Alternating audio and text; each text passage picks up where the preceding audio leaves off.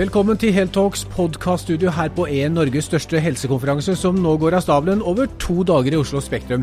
I denne podkasten skal jeg snakke med Ketil Widerberg, som er administrerende direktør i Oslo Cancer Cluster.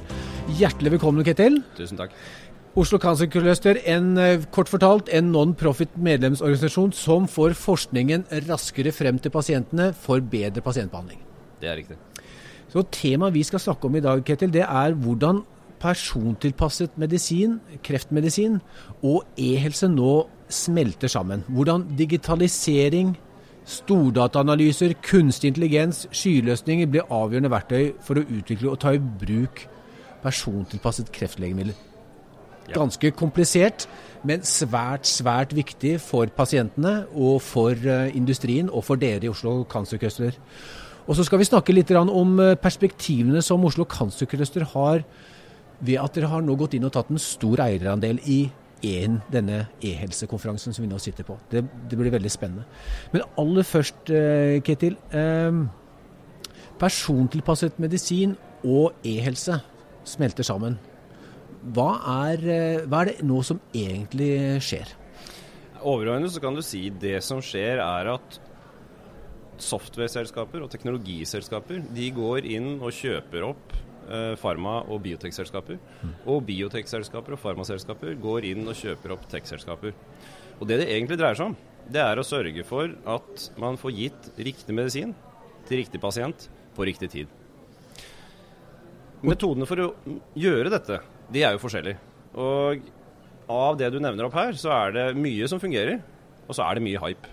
Mm. Og det viktige nå, det er jo å se på når er det vi ser at det fungerer. Og vi klarer faktisk å gi mer presis medisin. Unngå bivirkninger som gjør at pasienter lider lenge. Eh, og rett og slett levere bedre behandling til pasientene. Og, og hva, hvis du skal ta det først, da, hva er hypen her, eh, Ketil? Nei, du kan si Generelt så har en del tech-selskaper gått inn og tenkt vi bruker samme eh, approach og tilgang som mm. vi har gjort i andre industrier. Mm. Og det er helt greit når Google går inn med Google Maps og triangulerer punktet ditt og bommer med noen meter når du skal fortelle om det er kø foran deg eller ikke. Men det er ikke greit hvis du bruker den approachen med unøyaktig data for å finne et cirka-punkt når det dreier seg om kreft. Nei, ikke sant. Det, da må du være 100% sikker. Akkurat. Eh, og hva er realitetene, da, hvis vi snakker Nå var eh, hummer og kanari. Hva er hummeren her? Nei, du kan si Det aller viktigste som skjer nå, det er å klare å skille hva er det som science fiction-messig kan gå til der fremme når vi har perfekte datasett, når vi kan analysere, mm. og når teknologien og AI-modellene fungerer bra nok. Og hva er det vi kan gjøre i dag mm. med halvdårlig data, vanskelig tilgang, juridiske utfordringer? Hva er det vi klarer å levere til dagens pasienter mm. av denne teknologien? Og her har vi eksempler som er veldig spennende. Eh, og det som gjør det ekstra gøy å være med å utvikle EHIN, det er at vi ser at det at vi får farma- og biotekselskaper til å møte de selskapene mm. som nettopp samler inn data mm. fra dagens helsevesen, mm. så ser man ja, men disse type data kan jeg bruke for å gi mine pasienter bedre behandling. Ja, vi ser jo nå at uh, dere har tatt en uh, betydelig eierandel i én, og det er helt sikkert Det er en liten eierandel, ja. men vi er med som eiere. Ja. ja. Og, og, og, årsaken til det, gi oss en forklaring på det. Nei, Årsaken er at vi, vi har egentlig kalt den revolusjonen som nå skjer innenfor digitalisering, eh, at det er rett og slett digitalisering og onkologi. Mm. Og eh, det går hele bredden fra genetisk analyse, såkalt omics-analyser av forskjellige typer data, og opp til pasientoppfølgingen etter du har gjennomgått behandling, mm. for å følge opp og sørge for at du plukker opp pasienter, eh, og de kan leve med kreften sin. Mm. Så ser vi jo at uh, her ute så er jo Roche eh, foreløpig som det eneste legemiddelfirmaet ute på stand, iallfall. Ja, de er tidlig ute, ja. og det er, uh, det er, veldig bra at de er her. Jeg tror flere kommer til å følge. Ja. Roche har vært veldig tidlig ute i dette. De har kjøpt opp flere tech-selskaper, bl.a. Flatiron eh, og eh, Foundation Medicine, mm. som jobber innen genomikk og, og, innenfor strukturering av pasientdata for kreft. Så de har, eh, er en av de selskapene som er langt fremme. og de ser jo selv at de kommer ikke til å være samme selskapet om ti år. Ja, og vi, vi ser jo andre, riktignok som ikke stiller ut, men vi ser jo en del andre legemiddelfirmaer sender representanter ned hit for å, å, se hva som nå rører seg. Så det er jo åpenbart at ting er i endring. Ja, og du kan si du kan si mye pent om hva Google, og Apple og tech-selskapene har gjort innenfor dette, men de har jo stort sett bomma så langt. Mm. Og jeg tror der er det også nå at man ser at litt sånn som Tesla har gjort i bil, du har ikke fått de som har klart å gjøre det samme i en helse ennå. Og jeg mm. tror Vi er akkurat nå på grensen til at det kan skje. Og det blir veldig spennende å se om det blir ett selskap eller flere selskaper som klarer å ta den ballen og gjør rett og slett at uh, en del av den tradisjonelle måten å utvikle medisin på, levere medisin på, blir stående litt som dinosaurer.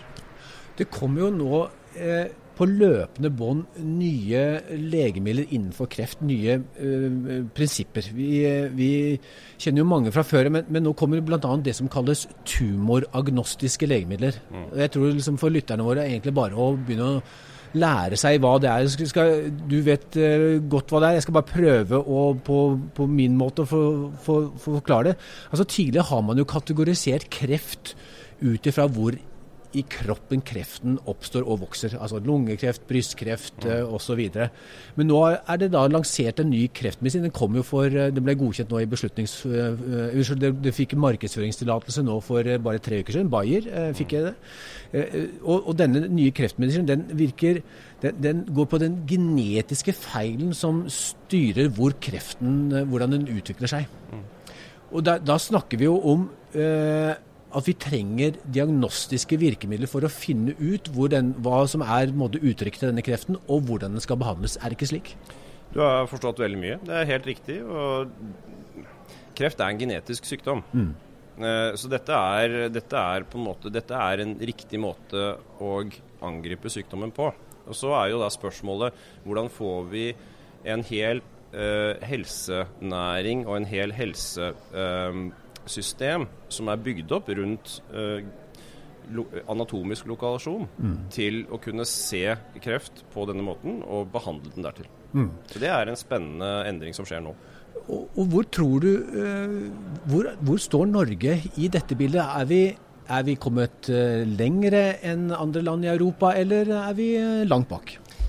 Norge har vært i deler av dette veldig langt fremme.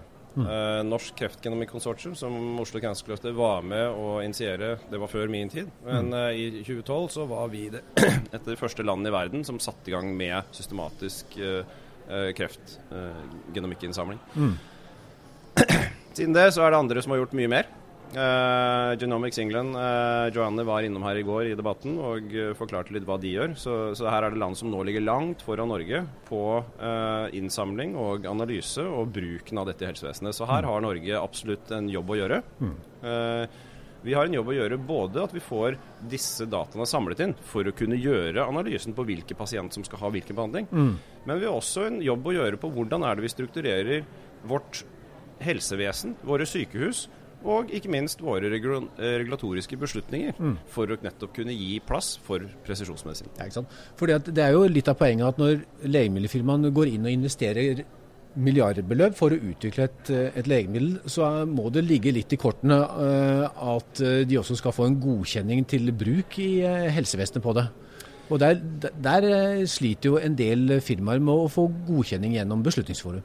Ja, jeg tror det man må se på her, det er at uh, som offentlig stat så må man sørge for at man gir godkjenning der hvor man ser at det er riktig behandling til mm. pasientene. Mm.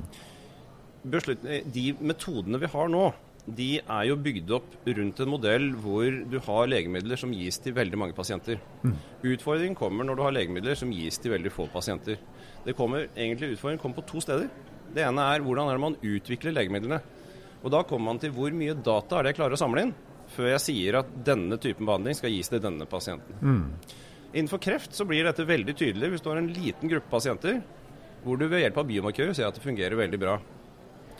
Og så er det sånn at Hvis du skal følge tradisjonelt løp, så må du da kjøre et løp hvor du gir pasienter placebo, altså ikke-medisin, mm. for å vise at det fungerer. Mm. Men da, i en del tilfeller, så blir det for den gruppen uetisk å gi dem noe du med viljen å vite vet ikke fungerer, når du har noe ved hjelp av biomarkører som fungerer godt. Så, så, hele modellen på hvordan man utvikler legemidler, hvordan man bruker offentlig data for å dokumentere virkning, den er i endring. Og En av de områdene som vi ser det kommer til å skje mye på, det er hvordan er det du da betaler der hvor det fungerer. Mm. Og det å kunne bruke norske offentlige data og være tidlig ute til å se mod nye modeller på dette, det kan være et stort uh, fortrinn Norge har.